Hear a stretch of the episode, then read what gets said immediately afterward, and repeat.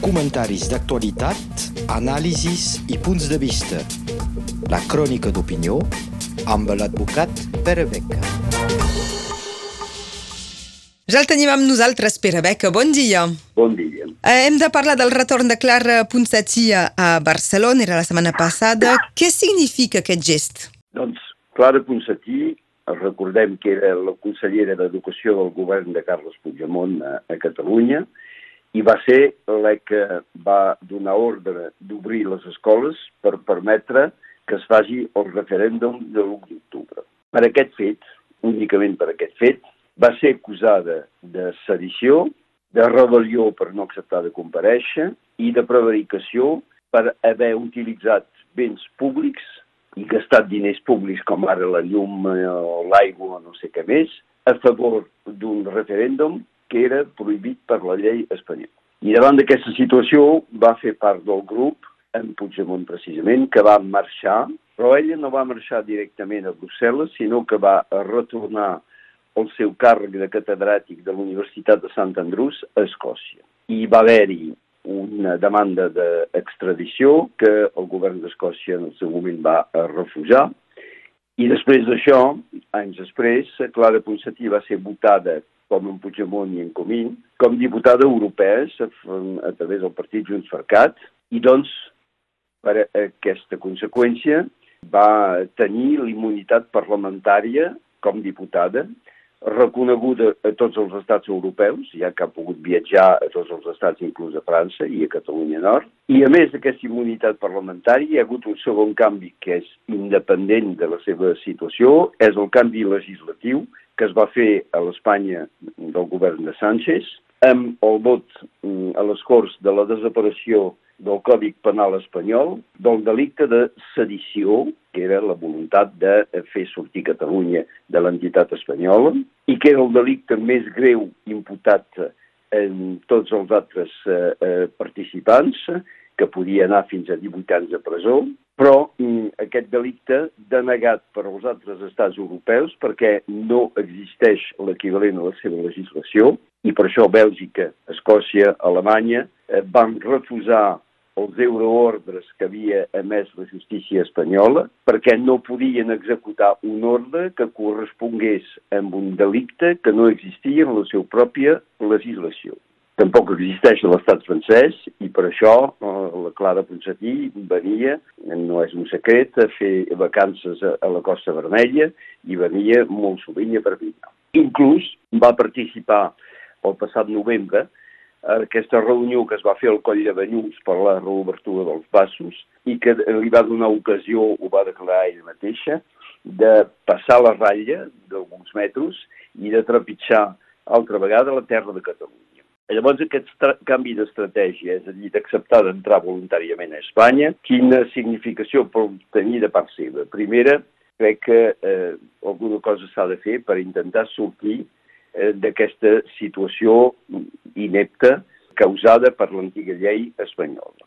Segona, perquè la protecció europea com diputada s'acabarà d'aquí tres anys i que ningú pot saber, sobretot amb la situació actual del moviment independentista a Catalunya, si els diputats eh, ens tornaran a ser votats o no i ni si ja se serà candidat.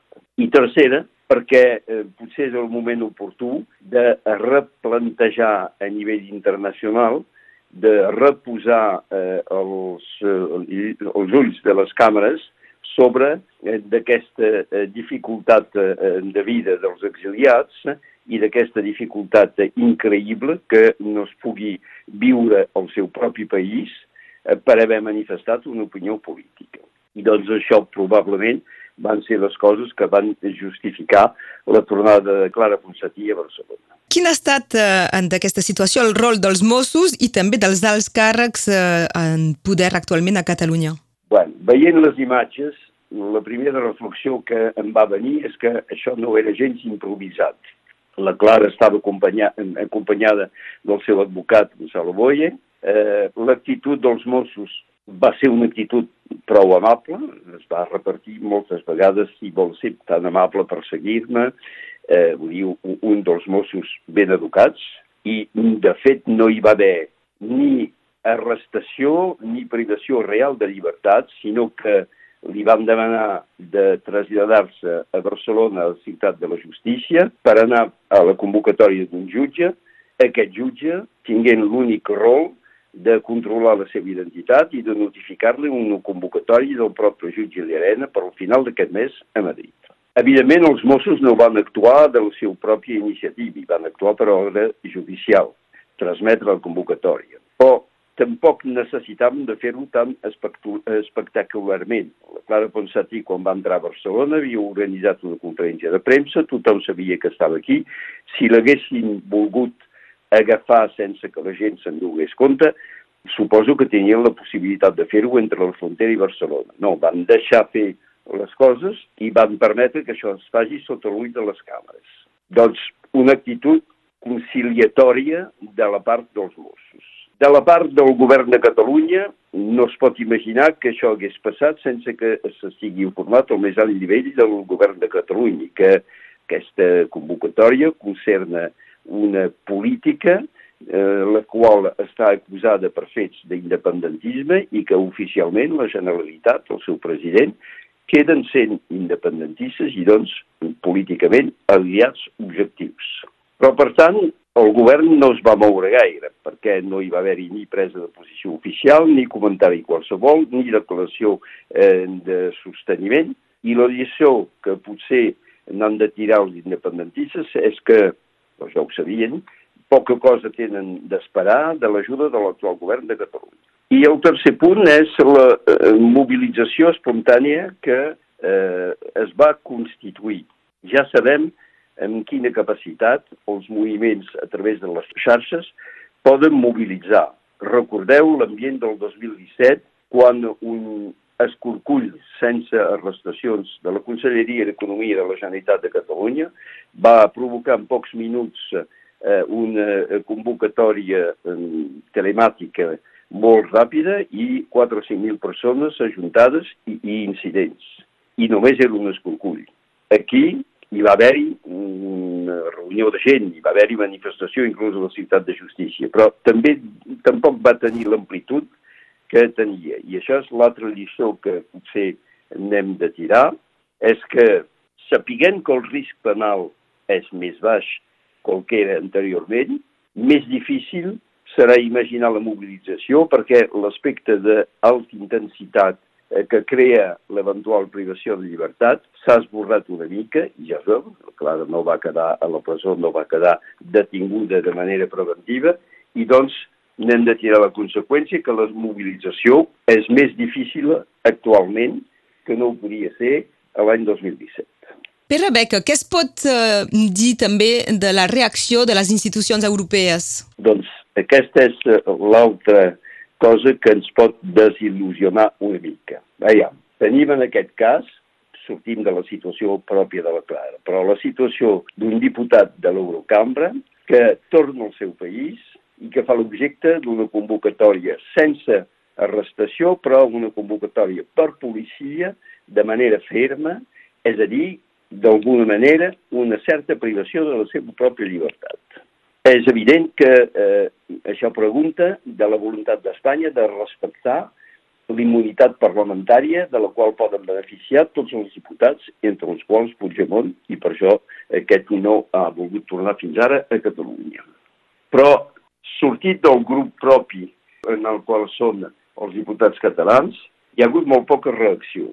És evident que Europa està molt més preocupada amb un conflicte d'alta intensitat com el d'Ucraïna, amb tot el que passa cap a l'est de, de, eh, de, la, de la zona europea i que, evidentment, els governs actuals no tenen ganes de complicar-se el panorama amb una altra crisi que sembla més o menys apagada i, que no tenen ganes de tornar a aixecar. I això el fet que la crisi catalana hagi passat al segon o tercer o quart nivell de les preocupacions europees no preocupa tampoc els mèdies, eh, perquè si mireu eh, els eh, mèdies francesos, crec que cap televisió n'ha parlat i que tot just la premsa d'aquí ho ha comentat, eh, ràdio, evidentment, i, i escrita, però en pocs comentaris perquè moltes vegades a la premsa general es deia, bueno, però el risc penal és molt baix. El risc penal és molt baix, potser sí, més baix que no era anteriorment, però existeix i hem de tenir en compte que el que notificarà probablement el jutge Llarena a la Clara Ponsatí a finals d'abril és de dir que ha de compareixer per rebel·lió i potser per prevaricació. Això, això es discuteix també perquè el delicte de prevaricació, tal com estat definit a la llei espanyola, és molt difícil d'establir. El tema de gastar, de llum, de calefacció, etc. no hi ha comptadors específics que permetin de dir que del fet de l'elecció s'han gastat tants diners. I per tant, això molt probablement no ho faran servir. I doncs l'únic risc seria el de rebel·lió que potser fins i tot pot no comportar una pena de presó. Però al revés hem de tenir en compte que l'aspecte penal es manté i que la repressió exercida per la justícia espanyola sobre els independentistes, de bon principi que era la mateixa. No els fiquen a la presó, però els impedeixen de fer la seva feina, en aquest cas com diputat europeu, i en altres casos com podrien ser la feina de polítics a Catalunya. I que aquesta manera d'actuar, diguem-ho, més suau, menys eh, abrupta i, i dura que no era anteriorment, potser és pitjor per al moviment català perquè això no aixeca l'indignació de les poblacions que sigui a nivell de Catalunya, de l'estat espanyol o de tota Europa. I potser això és el més gran perill que pateix en aquests moments el moviment independentista. Moltes gràcies per haver-nos escoltat. Gràcies, Pere Beca. Fins aviat. Fins aviat. Comentaris d'actualitat, anàlisis i punts de vista. La crònica d'opinió amb l'advocat Pere Beca.